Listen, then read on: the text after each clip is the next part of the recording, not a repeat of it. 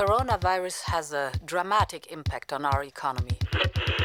As we know, there are known knowns. There are things we know we know. Uh, we also know there are known unknowns. Build back better, bla bla bla. Green economy, bla bla bla. In diesem Sinne kann ich sagen, ja, äh, wir sollten alle Feministen sein. This footage from Al Jazeera purporting to show Taliban fighters inside the presidential palace declaring the Islamic Emirate of Afghanistan. I have a peculiar medical condition, which is that I don't sweat. I think it's a filter. It, And the- it is, and I don't know how to remove it. Not, I'm not a cat.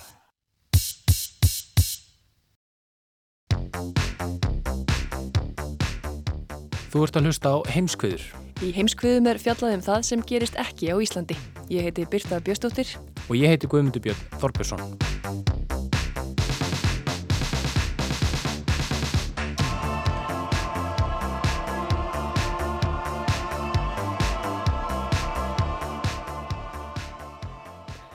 Jæja, Guðmundur, við erum með nokkuð áhugavert þema í heimskviðum í dag. Getum við ekki sagt að þemað séu lottarar? Jú, ætlaði ekki, við ætlum að taka tvo menn til umfyllunar sem eru þó ólíkir, þeir beita ólíkum aðferðum og í misjöfnum tilgangi en eiga það þó sammeilegt að hafa ratað í heims frettunar eftir uppum þá komst. Hvaða lottar ætlar þú að segja okkur frá? Hann heitir Ísak Herskoff, hann er fyrir geðleiknir frá bandaríkjunum og hann hreinlega tók yfir líf eins skjólstæðingsins, hann stýrði honum í einu öllu í næstu því 30 ár. Þessi saga er svolítið merkileg og svo mjög að það er búið að gera bæði hlaðvarpserju og sjómanstátturöð um sögu hans og skjólstæðingsins. Við veitum að heyra aðeins meir um það í síðar hluta þáttarins, en þú Guðmundur, hver er þinn lottar í dag? Ég ætla að tala um bókaþjóin allræmda sem eru herjað á reythöfunda og útgefundur út um allan heim síðastlegin 5 ár. Það er búið að komast upp um hann eða svo veriðst vera. Það er búið að handtaka 29 ára gamlan Ítala, Filippo Bernardini og hann er grunar um að vera þessi allræmdi bókaþjófur og hann er belans herjað af íslenska höfunda Fríðu Ísberg þar á meðal og ég ræði þans við hana. Við skulum það bregða okkur til Lunduna þar sem fyrri saga dagsins hefst.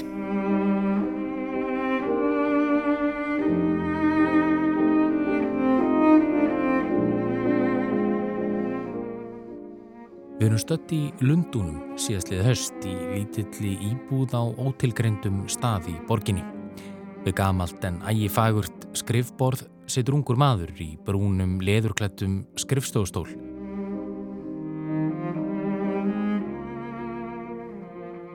Dauf Birta læðist inn um gluggan og úr litlum bluetooth hátalara heyrist Apreon Rev eftir Gabriel Fauré. Hann er snirtilegur að vanda í flauelsbuksum, hvítri skirtu með Oxford nöppum og jakka yfir. Jafnvel þó hann ætli sér ekki að fara úr húsi í dag. Og nei, hann verður heima í dag að skrifa og svara tölvupóstum. Það er lögadagur og hann þarf ekki að mænta í vinna.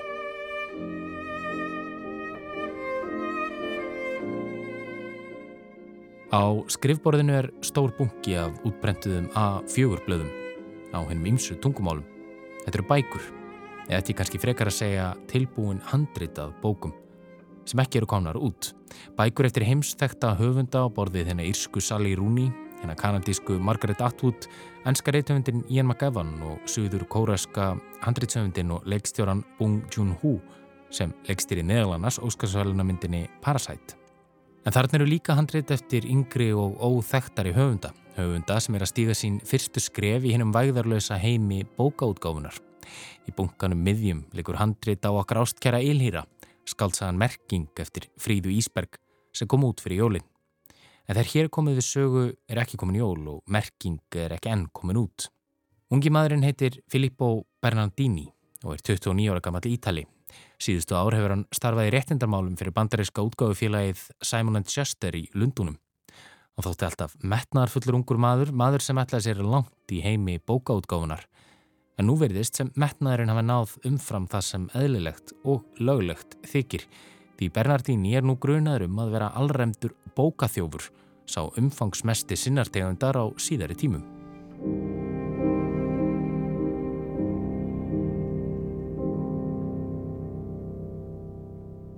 Síðustu fimm ár hefur bókmyndaheimurinn vitað af tilvist óbrúttina aðila sem tókst að sankaða sér hundruðum óutgefina handrita frá höfundum út um allan heim.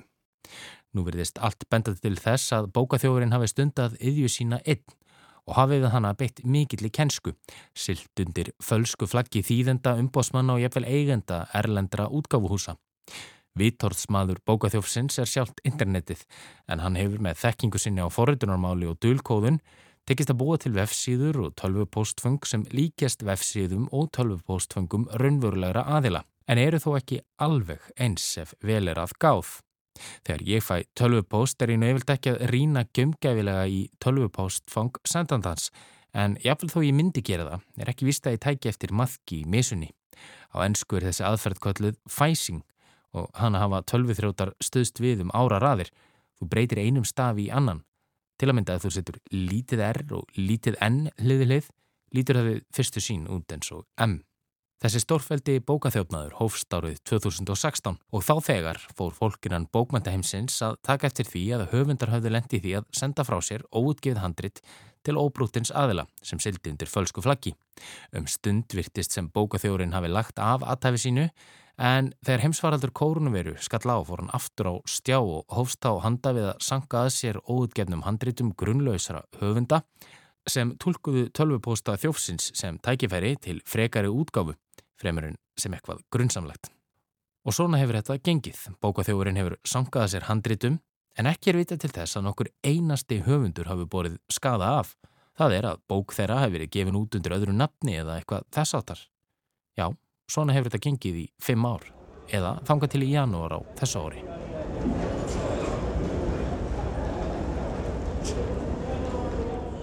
Víkur þá sögunni til New York. Við erum stötta á JFK fljóðvelli. Hinn 29 ára gamli Filippo Bernardini er nýlendur í borginni frá Lundunum á leiðsinn í höfustöðar Simon & Schuster í New York. En hann komst ekki lengra. Við komuna býða hans útsendarar bandarísku alrikislauruglunar, FBI, Hann er handtíkin á staðinum og í kjölfarið ákerður fyrir stórfældan þjófnað. Sir, put your hands on your head and get down on the ground. You are going to be placed under arrest. Ekki fylgir sögunni hvort Bernardini hefi streyst á móti, en leiðum því að fylgja með, svona upp á söguna að gera. Right. Á þriðu daginn í síðustu viku var Bernardini í dregin fyrir dóm á Manhattan. Þegar málavextir voru reyfaðir, virtist dómarinn okkur hissa. Hvað gerði maðurinn nákvæmlega, spurði hún saksóknara. Hvað vildi Bernardini eiginlega gera með öll þessi handrit? Saksóknari gætir hún ekki svara því. Bernardini veriðist nefnilega ekki hafa ætlað að gefa bækurnar út á einhvers konar sjóræningimarkaði eða í gegnum svartamarkaðsbrask og dómarinn klóraði sér í hausnum. Vildan þá bara lesa bækurnar áður en þar voru gefnar út? Spurði dómarinn saksóknara og svarið við þessari spurningu vitum við ekki enn. Áhugavert. Mjög Mjög áhugavert. Málinu er nefnileg ekki lokið og var Bernardini sleft en 300.000 dólarum haldið sem tryggingu. Það eru litlar 37 miljónir króna. Þá þarf Bernardini að sæta útgöngubanni og þurfti að láta vegabrefsitt af hendi. Verðið hann fundin segur fyrir þjófnaðinn, getið hann áttið verið höfðið sér alltaf 20 ára fangilsisvist en Bernardini hveðst þó saglus. En hvað vitum við um þennan mann? Í nýleiri grein eftir bladamennina Reeves Whiteman og Lilo Shapiro sem byrtist á bandaríska menningarmiðlinum Vulture er saga Bernardinis Rakin. Þar kemur fram að hann hafi gefið út sína fyrstu og einu skaldsugu árið 2008, þá aðeins 16 ára gamall. Bókin fjallaði um ungan dreng sem lendi í klóm stríðnispúka og eineltisækja og bar heitið Bully á frummálunu ítölsku. En svo veriðist sem Bernardini hafi lagt reytöfundardrauma sína á hilluna og séð sæng sína upp reyta. En ástans á bókmöntum var eftir sem áður hinn sama. Frami hans átt að liggja í útgáfubransanum og byrjaði hann ungur að starfa fyrir útgáfur á Ítalju og fekk þar að kynast þeirri unaðslegu tilfinningu að fá bók eða handrit upp í hendurnar á undan almenningi. Öll höfðu í okkar veiku bletti, okkar leinilegu físnir og þrár Mér finnst til að mynda sérstaklega gaman að horfa á YouTube-myndbönd af íþróttamönnum tala á tungumálum öðrum en þeirra eigin. Um mig hristlast sælu tilfinning sem ég get ekki útskýrt. Fyrir Bernardini virðist það að handleika óutgefnar skaldsugur hafa gefið honum samskonar sælu tilfinningu. Á myndum á Instagram-reikningi Bernardinis frá þessum árum sést glögglega hvernig hann virðist hafa verið sérstaklega hugfangin af emmitt þessu. Hann byrti getnan myndir af kápum bóka sem ekki voru komnar út og undir þeim stóð Hashtag ópróvarka lesin útgáfa Hashtag eintak fyrir langtkomna lesendur Hashtag ekki komin út Áhugi Bernardínis á útgáfaheiminum tók svo raugrætt skref fram á við árið 2015 þegar hann flyttist til Breitlands til að hefja nám í bókaútgáfu við University College í Lundunum. Samnefndur hans minnast hans sem duglegum nefnda en um leið hrókafullum sjálfumglöðum og jafnvel ókurtisum. Á námsárunum í Lundunum kynntist hann fjársterkum eldri manni og hófu þeir samband. Smám saman fóru Ímis personenginni Bernardínis að vekja aðtegli skólafélaga hans. Við þá stærði hann sig meðal annars að því að hann og ástmaður sinn eittu yfir þúsund pundum á viku í matvörur sem verður að teljast einhvers konar afreg ef sattir og samnefndur hans lærið því snemma að taka sögum Bernardínis með fyrirvara. Og talandum íkjör og blekkingar, lokaritgerð Bernardínis í University College fjallaði mitt um sögun af Gosa, brúðunni, sem getur ekki hægt að ljúa. Pinocchio, why didn't you go to school? School? Well, I... Um... Go ahead, tell her. I was going to school till I met somebody. Met somebody? Yeah, uh, two big monsters with big green eye. Já, Bernardini var maður sem vildi klífa upp metorðastegan í útgáfaheiminum, komast til áhrifa og það rætt, en samkeppninu var hörð og ekki síst við samnefndurna. En hann talaði fjölmörg tungumál og gætt skilið forritunamál. Hann var nefnilega svolítið tölvukall og þekking hans á forritun átt eftir að hjálpunum síðar meir. Árið 2016 fekk hann starfi á útgáfuhúsinu Andrew Nörnberg í Lundunum og sagði einn fyrrum vinnufélag hans að það veri erfitt að kynast honum þar sem hann væri einfallega svo metnaðagjarn og fjarlægur. Hann fekk þó aldrei fullt starfi á útgáfuhúsinu þótt hann hafi sótt um það og höfnuninni tók hann ekki vel og vandaði fyrrum yfirmönnum sínum ekki kveðinar og skömmu eftir að hann hætti hjá Andrew Nörnberg var vefsíða bókaútgófunar svo hökkuð til viljun. Og þetta sama ár Eftir að hann hætti störfum hjá Andrew Nürnberg hóf hann að stela handritum. Eða það telur bandariska alreikislauruglan FBI allavega.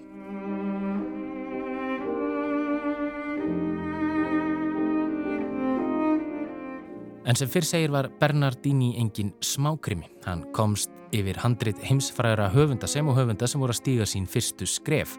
Eitt að handrita sem hann komst yfir var af skaldsögunni Merkingu fyrstu skaldsögu Fríðu Ísberg en sagan fekk feiki góða dóma og hefur útgáðurétturinn á merkingu verið seldur til nokkura landa. Í lok ágúst á síðast ári byrti Fríða mynd af kápuhönnun merkingar á netinu. Hún var með umbósmann í Lundunum, Lorenz Lalujau hjá RC Vaff, umbóskristofunni. Stuttu eftir að ég fremsýni kápuna þá um, fæ ég skilabóð frá umbósmanninu mínum og hún segir uh, Hæ Fríða, ertu nokkuð með hérna, pdf-ið af merkingu, getur þú senda takk, bestu hver Hæ Fríða, ertu með tilbúið pdf-skjala af merkingu? Getur þú sendt mér að vinsanlegast takk, hvaðir Lorenz Það sem Fríða vissi ekki þá er að í raun hljómaði tölvupósturinn, já, ef hann hefði verið lesin upp af þeim sem raunverulega skrifaði hann, líklega eitthvað frekar á þessa lið Hæ Fríða, ertu með tilbúð PDF-skjál af merkingu? Getur þú senda aðvinsalegast? Takk. Hveðjur, Lorenz. Við kemum betur að því á eftir. Mjög stutt og laggótt þar sem ég var ekki búin að senda henni PDF-ið á þessum tíma og við vorum búin að vera í nokkur, nokkur svona miklum samskiptum þessa vikuna Umbósmaðurinn í Lundunum hafði áður sagt fríðu að hún vildi senda handritið af merkingu til svo kallara bókmenta njósnara eða bóka útsendara, literary scouts á ennsku, sem er fólk í útgáðabransanum sem fær í hendurnar handrit eða stutt ágrip af handriti verks og virkar sem nokkur skonar milliliðir millir forlags og höfunda. Þannig að hérna, mér fannst þetta ekkert skrítið, skrítin fyrirspurn en... Á þessum tíma var Fríða þó vel meðvituð um tilvist bókaþjófsins allræmda. Ég vissi samt að það væri þessi bókaþjófur þannig að ég las yfir uh, netfangi hennar, örglega tvísar eða þrísvar og bara þetta er rétt, ok, ég sendi pdf-ið. Aðrir íslenskir höfundar hafði meira segja orðið fyrir barðin á honum til dæmis Hildur Knútsdóttir og Björn Haldursson. Á þessum tímpunkti að þá er mysterían búin að vera í gangi í þrjú árið eitthvað. Ég var varkár, en það, það stemdi allt, þú veist, það var myndin af umbásmannum mínum í, í hérna, gmail og það var undirskriftin hennar og þú veist, og, hérna, og, og það var, þú veist, meirins að samstarfskona hennar var sé-séuð í póstinn og ég sá bara ekkert aðtöðverst við þetta þannig að ég sendi Fekk þó Fríða annan post strax í kjálfarið. Kæra Fríða, þakkaði kærlega fyrir. Áttu nokkuð ágrip eða stutta samantækta bókinni eða eitthvað slíkt frá útgjáðanda? Ég hef ekki fengið neitt slíkt. Og ég segi, hérna, nei, það er bara þetta, þetta sem að þú varst með. Ég skal senda þér það aftur og ég menna þetta er bara svona kona sem að, hérna, er með mörg járn í eldinum þannig að ég var ekkert eitthvað að kipa mig mikið upp við þetta án, án hérna bæðum þetta aftur. En þá kom þriðji tölupósturinn og nú spurði umbásmaðurinn innan gesalappa hvort Fríða veri búin að skrifa nýjar smásögur upp á síkastið og það veri gaman að vita hverju hún væri búin að vera vinnað. Og þá segi henni það bara ég hérna væri nú ólétt en væri eitthvað svona að byrja að hugsa um kannski nýja sögu væri með þrjár, fjórar smásögur líka til hliðar, eitthvað svoleiðis og síðan fæ ég bara svar mjög stuttu setna sem bara eitthvað, heyrðu Mjög gaman að heyra að þú sett byrjaði að vinna nýri skáldsögu og sért að skrifa nýjar smásögur. Værið til að senda með nokkra síður og nýju skáldsögunni, þar sem þú ert komin með og líka nýju smásögurnars. Sem umbóðsmaðurinn þinn þarf ég að fylgja reytferðlið þínum eftir og fylgjast vel með. Þannig var ég bara eitthvað, ha? Hún les ekki íslensku og þetta einhvern veginn meikaði engan sens að hún skildi byggja mig um eitthvað fyrstu ráu draugin af einhverjum blaðsum og hérna ég svaraði þessu ekki sko og var eitthvað svona, þá svona aðeins hallaði mér aftur í sætinu. Og hérna og síðan klukkutíma síðar þá sendur hún bara sama brefið þess að þetta sama skeitið bara getur þú sendt mér? Og þá hérna þá er mitt eru komna svona þú veist viðverunabjöllur Fríða grýpur þá til þess ráðs að senda skilabóð á umbósmanni sinni gegnum Facebook. Halló, eru við ekki örgulega að tala saman inn á Gmail? Og hún segir, nei, við erum alls ekki að tala saman inn á Gmail, upprúnverki, upprúnverki, alveg. Og ég var, já, ok, það, það er búið að ræna okkur. Og ákveður Fríða í kjölfarið að rýnaðis betur í þessi undarlegu tölvupósts samskipti. Agensían sem við erum hjá um, heitir RCVAF RC2FAF hún var búin að svissa tveim stöðum þannig að það var RVAFC Lit Agency. Uh, í sagt, þessu hérna at rvafc litagency.com þannig þá sé ég að, að hérna, bæði sagt, hennar netfang er að koma þaðan og líka þetta CC af, af aðstofamannum líka vittlust þannig að hérna og síðan fæ ég sko þriðja tölupóstinn skömmu síðar svona kannski klukkutíma síðar og og þá er það í þriðja skiptið hérna bókuþjóðurinn að byggja um nýja efnið. Og þá skrifa ég tilbaka og bara heyrði elsku bókuþjóður þannig komst upp með þig bara kæra þakkir fyrir að krytta upp vikuna mína. Ég hérna bara óskaður góðs gengis. Bless bless. Og fekk ekkert svarað því.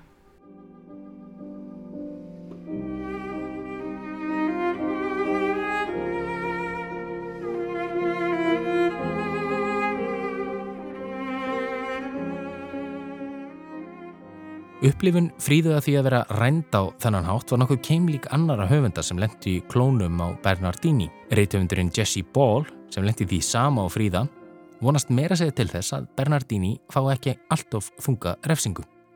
Heyrum hvað Ball sagði í viðtali við Vulture. Ég vona refsingin verði ekki mjög þung. Ég meina, sá sem hefur þegar lesið svona mikið af PTF-skjöl með mæfuna er á einhvern hátt þegar búin að taka út sína refsingu. Þetta var meira svona ég var búin að vera í þrjá mánuði heima hjá mér að kasta upp af uh, óléttu og uh, þetta var mjög bara skemmtilegt uppbrott. Þetta var bara svona spennandi, spennandi hérna, að lenda í klónum á bókaþjóðunum. En þessi hófsömu viðbrögð Fríðu Ísberg og Jesse Ball eru auðvitað nátengt þeirri staðrind að bókaþjófurinn Bernardini virist ekki hafa gert sér neitt mat úr þývinu, ekki á neitt nátt reynd að koma því í verð. Eina mögulega ástæðan fyrir þessum stórfælda bókaþjófnaði sem frettaskýrindum dettur í hug er svo að Bernardini, sem hefur gefið það út að hann tali mörg tungumál, hafi viljað þá forskóta á aðra þýðendur. Með öðrum orðum hafi viljað byrjað þýða bækurnar áður en þar kemur út, svo hann geti miðlað þeirri þýðingu áfram til ítalskra útgáfuhúsa. Hann bað höfunda sem skrifuðu ekki á ennsku að senda sér gerðan ennsku þýðinguna með, svona til hliðsjónar. Það gerði hann þó ekki í tilfelli merkingar og Bernardini skilur að öllum líkindum ekki íslensku. Ætlaði þá kannski að Google Translate merkingu eftir Fríði Ísberg. Eða snýst þetta kannski allt saman um eitthvað annað, eitthvað leik, einhverja sögu. Þá virðist þetta vera líka bara vald, þú veist, þetta sé svona underdog sem að, þú veist, bara þrýfst á því að vita og, og fá og hafa völdin og, og láta öðrum líða aðeins ver. Þannig að hérna, ég held að þetta sé líka eitthvað psykologist bara, sko. Í lokin má velta því fyrir sér og í ljósi þess að Loks er búið að hafa upp á bókaþjófinum og hann verist ekki hafa valdið neinum teljandi skaða hvort það sé ekki gaman fyrir skáld sem hefur sitt lífi brauð af skáldskap að lenda sjálf í svo skáldlegri atbyrðarás. Jú, vissilega sko. Þetta er náttúrulega mysterja sem er mjög skemmtilegt. Byggingin á þessu er mjög skáldsagnaleg sko. Það hérna, byrjar bara þessi mysterja og veist, það er strax húk sem að dregur þið inn bara af hverju myndir þú gera þetta? Þú veist, þú hefur ekkert það er bara hérna aðal vandamáli hefur verið að fá fólk til þess að lesa bókmyndir þú veist. Og þetta er verðlaust nánast, þú veist. Já, þetta er mjög spennandi og skemmtilegt sko og, og ég lakka bara til að, að fylgjast áfram með þessu Filippo Bernardini mætir aftur fyrir dómara í New York þann 5. april næstkomandi og hver refsing hans verður á eftir að koma í ljós. Ég segi með fríðun það verður gaman að fylgjast með framvindunni og hver raunverulegur tilgangur þessa fyrðulega ráns leiðangurs var. Kanski vildi Bernardini færa sjálfur töfra bókmöndana og þá misterjunar sérstaklega yfir í raunheima, maðurinn sem skrifaði lokaritger sína um gósa muniði.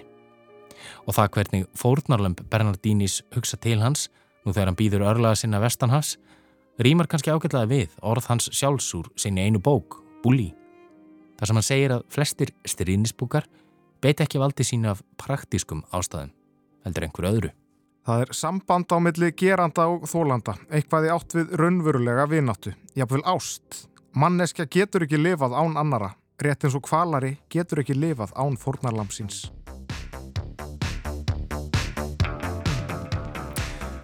Og frá einum svikarhappi yfir í annan.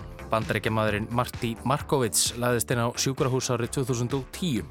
Þegar maðurinn sem hafi verið aðaleikar í lífi hans lengst af komst ekki að heimsækja hann á spítalan byrjaði smamsaman að rakna upp flókin vefur 30 ára sambands.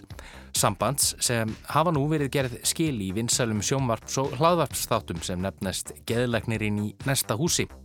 Byrta tekur nú veið og ræðir við Margretti Valdemarsdóttur, doktor í afbrútafræði, meðal annars um aðferðafræði þeirra sem einangra þólendur sína frá umheiminum.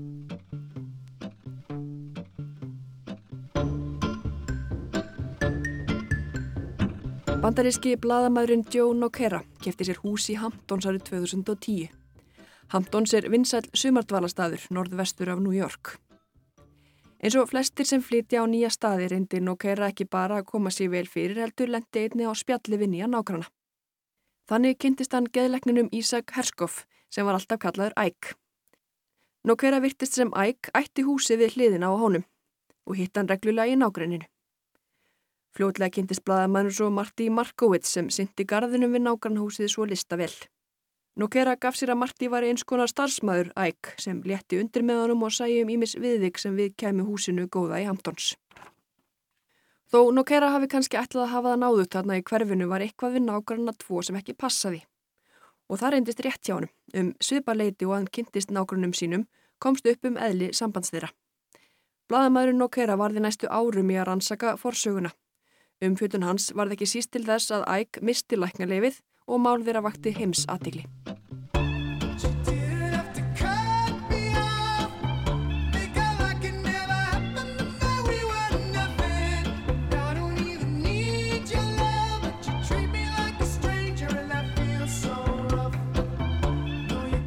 Uppljóstrunum rannsókablaðamennskan og kera átti upphaflega byrtast á síðum tímaritins The Time en úrvarð að þann 21. mæ árið 2019 fóri lofti nýtt hlaðvarp The Shrink Next Door, geðleiknirinn í næsta húsi.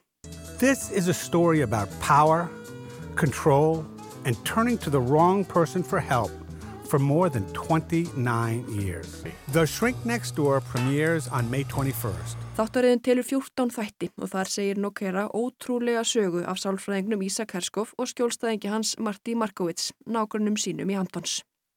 Sagan sem Nokera rekur, saga mannana tveggja, spannar einn 30 ár. Hlaðvarpið sló í gegn svo um munaði og vakti mikla aðtegli við það. Satt í efsta sæti Apple hlaðvarpslistans í þrjár vikur í röð eftir að það kom út. Og sagan vakti svo mikla aðtegli að ráðist var í gerð sjómasþátta. Þeir heita það sama á hlaðvarpið sem þeir byggja á The Shrink Next Door og eruðu aðgengilegar á Apple TV streymisveitunni í november í fyrra.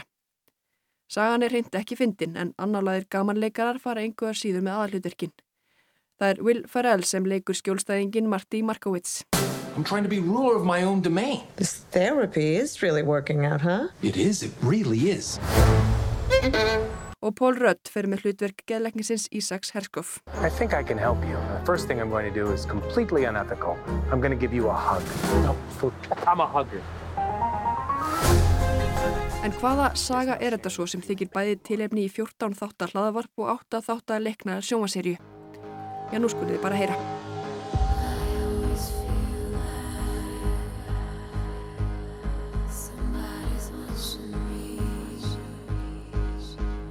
Árið 1981 stóð Marti Markovits á krossgötum í lífi sínu. Hann glimti við kvíða, hafði nýverið mist fóreldrar sína og strögglaði við rekstur fjölskyldufyrirtækisins. Leið hreinlega bara illa í sálartetrinu. And so Marty decided to get some professional help.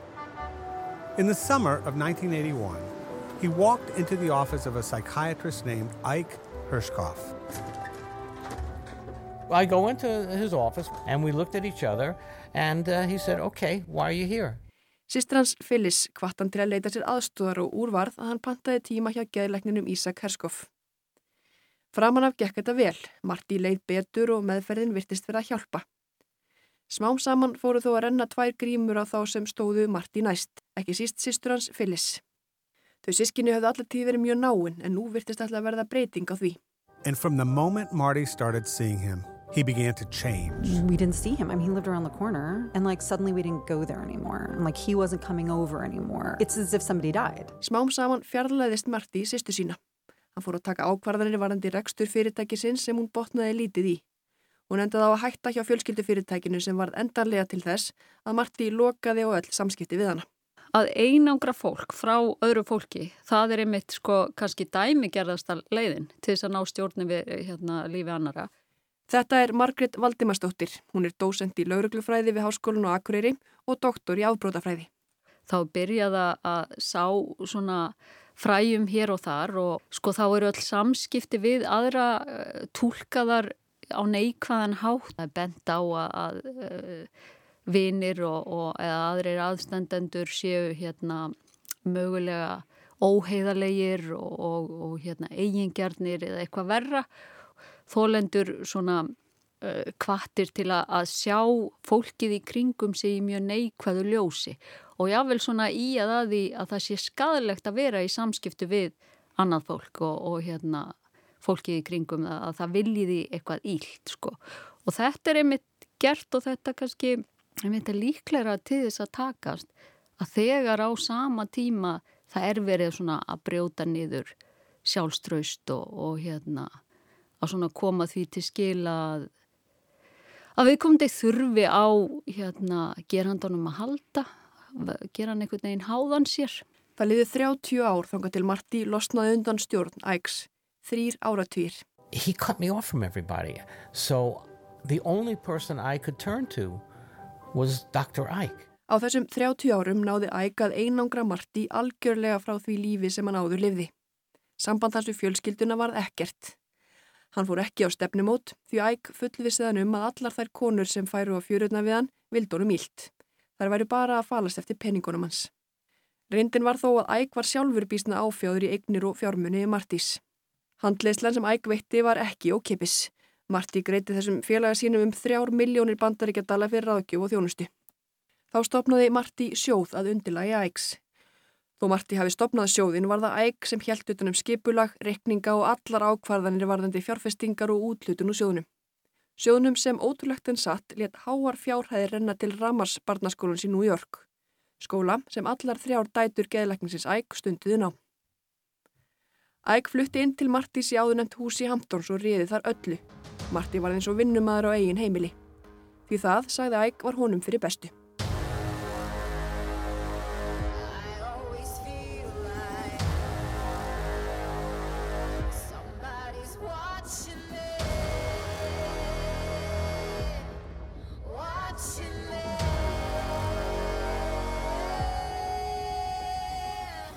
Sýstir Martís var með tíu tíma streikuð út úr erðaskrá hans.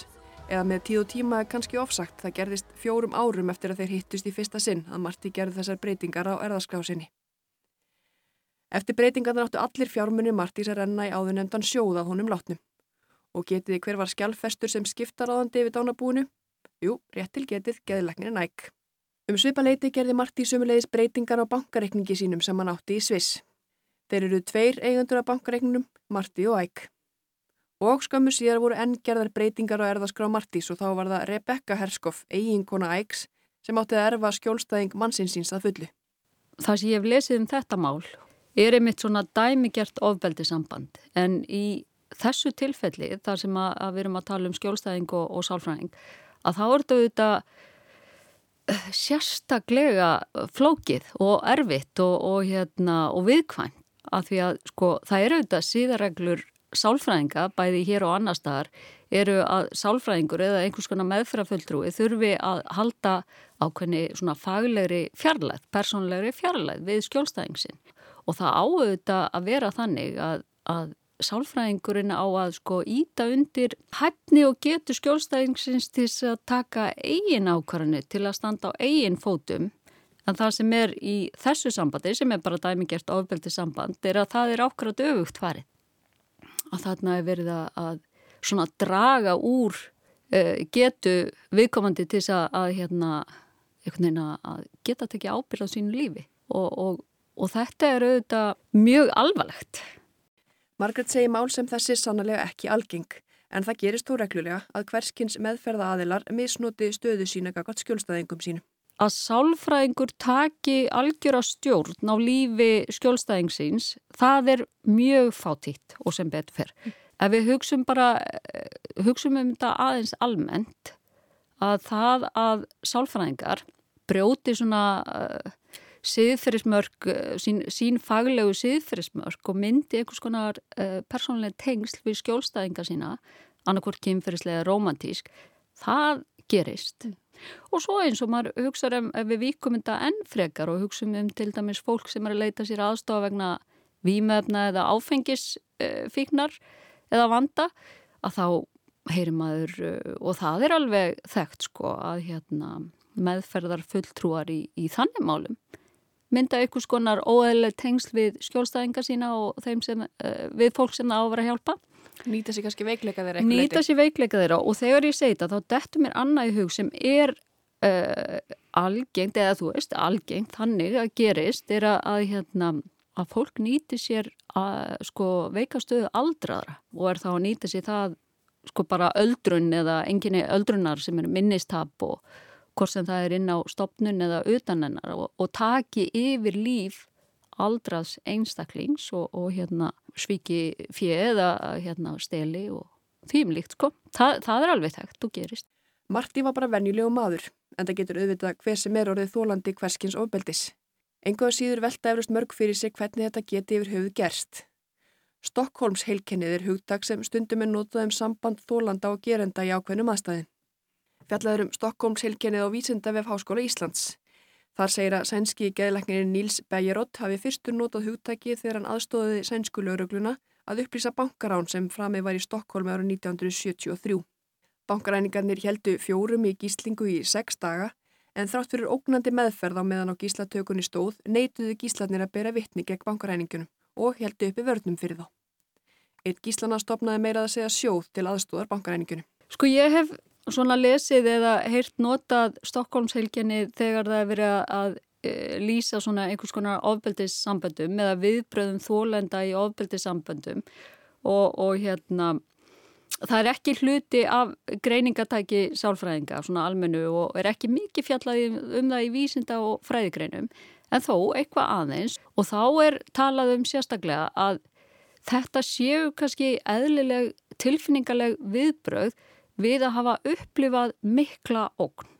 Og þar sem að fólk hefur kannski mögulega óttast um að komast aldrei úr aðstæðum eða óttast um lífsitt og þá þegar það er búið að, að vera í svo mikillri ógn og svo kemur gerandi og er góður og, og segir eitthvað fallegt að þá er það sko svo svakalegt og þá verða viðbröðin þannig að, að þetta er bara svo hérna að hann verður að eitthvað skona bjargvætti og í þessu samingi þegar við erum að tala um þetta dæmi það kannski vantar þarna þetta, þetta svakalegu ógn en einmitt þarna að sko þólandi fyrir að setja gerandan á einhvers konar stall og fyrir að hylla hann eins og einhvers konar hetju og þetta hugtökka hefur alveg verið nota þegar það er ekki verið að tala um mannræningja. Já, það er ekki bara í því tilfelli.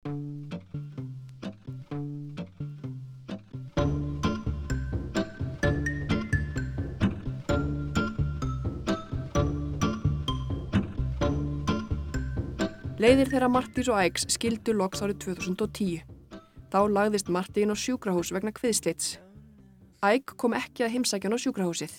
Marti undraðist það sannarlega og smám Marti undraðist það sannarlega og smám saman komst upp um hvernig í pottin væri búið.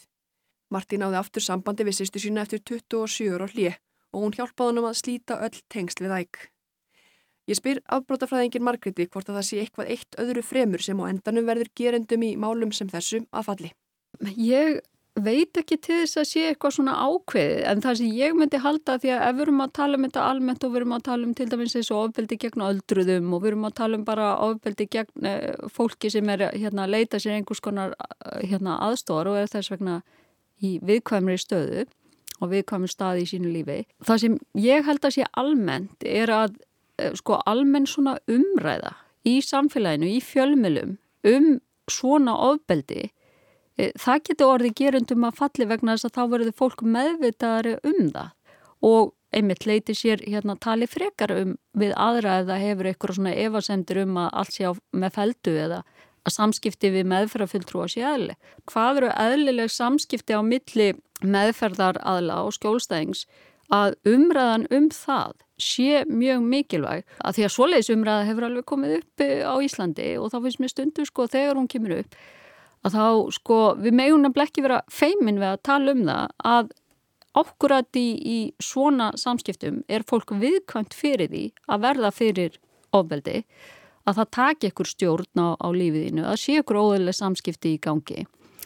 Og þá meðum við, eh, sko verðum við að geta að tala um það á þess að, að skona mm, að sé ykkur upplifuna að við séum vanþakla átt gagvart því góða starfi sem ykkur hópur er að gera sko. Eða stimpla heila stjætt. Eða stimpla heila stjætt, einmitt að, að hérna, fólk sem er að sinna fólki, hjálpa fólki sem er í viðkvæmri stöðu, það er bara, uh, það er rosa mikil ábyr sem fylgir því.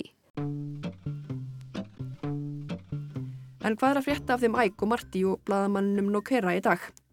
Bladamannum Joe Nokera stendur reyndar í málaferlum vegna málsins. Hann starfaði hjá Bloomberg þegar hlaðvarpiðan sló í gegn. Hún var síðan sagt upp störfum þar. Nú stendur hann í málaferðlum við Blumberg sem hann segir að hafi snuðað sig um hluta peningana sem tilkomnir eru vegna gerðar sjómastáttana sem byggja á hlaðarpinu hans.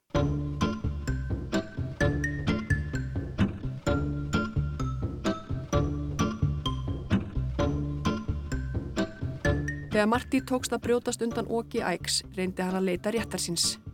Það tók reynda heil sjú ára að fá niðurstöði í það mál. En helbiðiseguru veldi New York sviftu geðleiknur og endanum lækningarlefi sínu. Það kom líka upp úr durnum að eftir að saga Martís var gerð ofinber að hann var ekki einn. Þó svo að það hefði verið lang versta og yktasta dæmið hafði æg sömu leiði skipt sér erðaskrám og haft mörg önnur óeðileg afskipti af lífi fleiri skjólstæðinga sinna. Marti er nú í góðu sambandi við sýstu sína og hefur veikt nokkur viðtölu eftir hlaðvarpið og þeirra sjónvastættinir vöktu aðtigli. Hann virðist nokkuð sáttur við Guð og menn. Hann er nú 79 ára og langar að setjast í helgan stein. Hann langar að ferðast og stefnir á langdvalir í Tælandi þar sem hann á kæristu. Hann segist hamingjur saman í nú en hann hafi nokkur sinni verið. Hann hafi varið 29 árum undir stjórn Ægs og 11 árum til viðbótar í að leita réttar síns. Nú sé báðum þeim köplum lokið. Réttlætinu hafi verið fullnægt, hann sé frjáls og það, segir Marti, er það eina sem skiptir máli.